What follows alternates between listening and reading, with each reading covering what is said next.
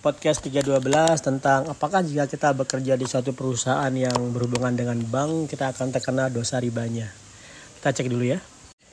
Sebenarnya ini pertanyaan yang nggak mudah dijawab ya. Kalau menjawab pun saya nggak akan langsung menjadi orang yang berani mengatakan dosa gitu kan.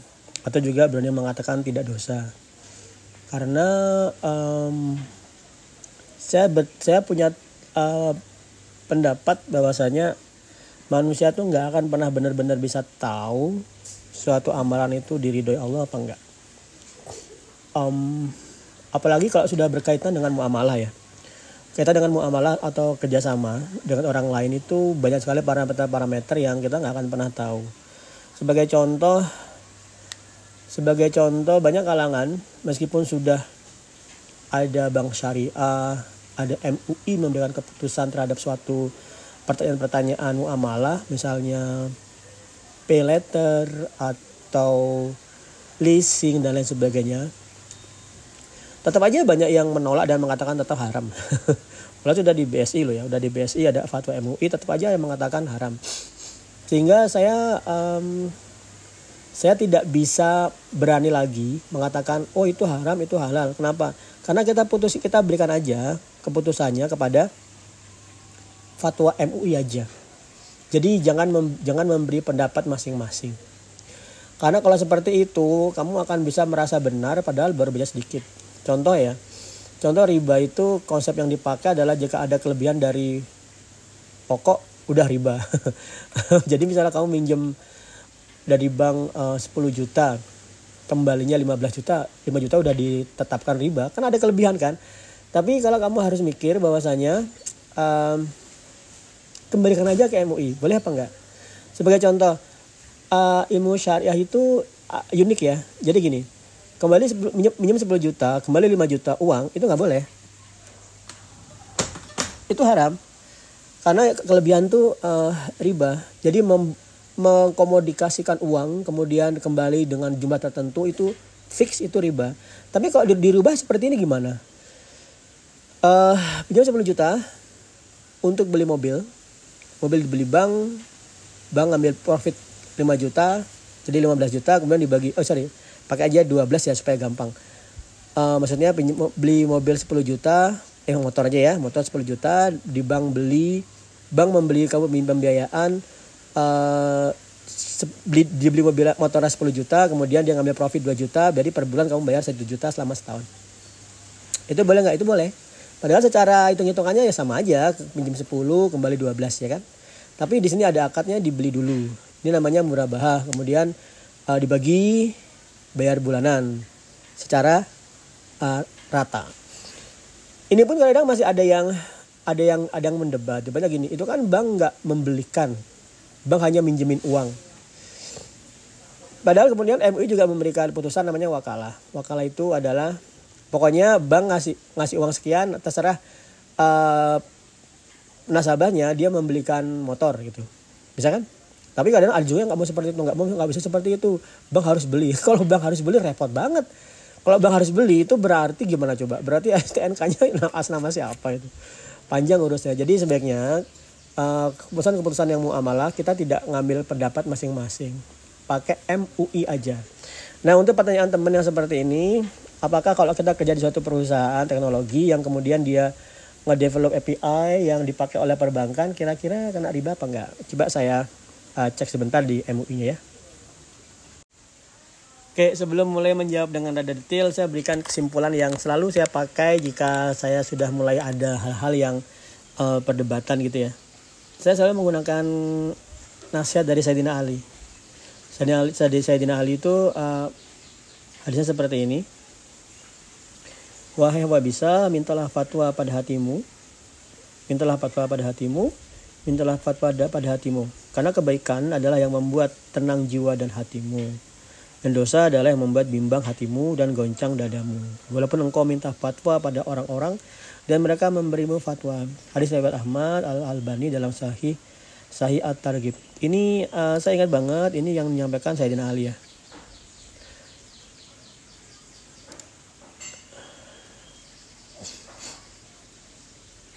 Jadi uh, teman-teman uh, pada akhirnya kalau kamu mulai pada akhirnya kalau kamu mulai berpikir-pikir apakah suatu amalanmu itu halal apa tidak maka kamu tanya ke hatimu aja. Kan banyak yang bilang Pak Eko tapi kan ini sudah ada sudah ada apa namanya ya sudah ada ketetapannya sudah ada hadisnya. Tapi kalau hatimu masih bimbang berarti kamu sendiri belum yakin akan hal tersebut kan? Maka satu hal yang harus diperhatikan jika suatu tindak lanjut dari suatu hal yang kamu yakini itu berat bagi dirimu dan keluarga, maka jangan buru-buru. Contoh saya punya banyak pengalaman. Temen itu ngeluhin saudaranya kerja di bank, kemudian karena uh, ikut anti riba langsung keluar dari bank, nggak mikir apa-apa. Terus ya udah jadi tanggungan dirinya dan keluarga. Punya anak punya anak beberapa akhirnya dia belum dapat pekerjaan. Itu nggak boleh sebenarnya. Menurut saya ya menurut saya nggak boleh. Tapi kalau tapi kan uh, apa namanya riba dan seterusnya maka tetap kembali ke hal yang paling darurat dulu aja. Kalau kamu berhenti dari pekerjaanmu sebagai pekerja pekerja pegawai di bank konvensional dan kamu sudah yakin itu riba ya? Dan kamu sudah yakin sudah sudah yakin itu riba maka uh, kamu mau berhentinya pun harus dengan strategi. Nggak sampai jangan sampai berhenti terus ngambilin orang lain tuh nggak boleh lagi. Karena malah merepotkan. Kecuali nih kalau kamu sudah punya tabungan sudah punya sampingan kerja sampingan sudah nggak apa-apa. Itu resign nggak masalah. Nggak akan membuat dirimu keluarga dan orang lain susah. Tapi kalau kamu resign tiba-tiba membuat dengan semangat hijrah dengan katakan nanti rezeki dijamin Allah nanti bah, itu berat loh ya. E, paling gampang adalah gimana kalau paling logika paling sederhana ya gimana kalau kamu resign pun dan kamu mengatakan rezeki dijamin Allah kamu masih punya dosa-dosa yang membuat rezekimu nggak turun dulu. Sampai hapus dosa sampai terhapus dosa-dosa itu. Misalnya seperti itu ya sebenarnya cuma sekedar uh, pembenaran dari suatu kejadian akhirnya kita tetap nggak tahu jadi tetap manusia itu tetap harus punya perhitung-hitungan yang duniawi jangan sekedar yang penting dijamin Allah nggak boleh seperti itu. Kan Nabi juga bilang kan ada seorang sahabat yang uh, sholat ninggalin unta nggak dilepas. Kata Nabi itu gue kamu untamu nggak dilepas? Aku takwa ya takwa ya Rasulullah ya nggak seperti itu. Ikat untamu dulu baru takwa. Jadi jangan jangan ah yang penting dijamin Allah langsung resign nggak boleh. Nah kemudian untuk apakah bekerja di bank konvensional itu haram atau tidak maka dari beberapa referensi yang saya baca beberapa jurnal yang saya baca kesimpulannya satu aja jika kamu sudah yakin dan tetap di hatimu ada kebimbangan bahwasanya itu haram, kamu wajib resign. Kalau kamu sudah yakin seperti itu ya. Tapi resignnya pun kamu nggak boleh sembarangan itu dulu. Nggak boleh nggak boleh seketika resign nggak boleh. Karena merepotkan satu, merepotkan orang yang kamu tinggal kerja. Ah ini tim ini nggak ada software yang dipakai untuk pay letter riba dan saya nggak mau kerja. Kamu tinggalin nggak boleh, nanti orang kelimpungan ya kan. Kalau mau seperti itu kamu harus ambil ancang-ancang. Misalnya persiapan untuk resign kamu persiapan dua bulan misalnya ya kan? Kamu bilang ke teman-teman aku mau resign, resign lagi dua bulan ya. Alasannya apa? Terserah aja bilang alasannya. Kemudian selama itu kamu hitung dulu kehidup kebutuhan hidup keluargamu dan dirimu. Kalau aku resign aman nggak? Kalau nggak aman jangan resign siapin dulu pekerjaan sampinganmu. Oke siapkan dulu pekerjaan sampinganmu. Baru resign. Dengan cara seperti itu kamu nggak akan menjalimi orang lain timmu menjalani dirimu dan keluarga. Ya kan? Uh, terakhir ya mungkin terakhir ini. Ada satu hadis yang dari Nabi Muhammad yang yang yang ngebuat saya sebenarnya nggak terlalu nggak terlalu worry tentang riba. Yaitu gini Nabi Muhammad bersabda di akhir zaman itu nggak ada perut yang bersih dari riba. Udah itu aja. Di akhir zaman itu nggak ada perut yang bersih dari riba. Itu kamu mau apa? Jika bisa. Um, sulit eh, bukan. Ya udah nggak. Kalau Nabi udah bilang nggak ada yang perut yang selamat dari riba ya sudah nggak usah terlalu khawatir. Mau, mau khawatir gimana?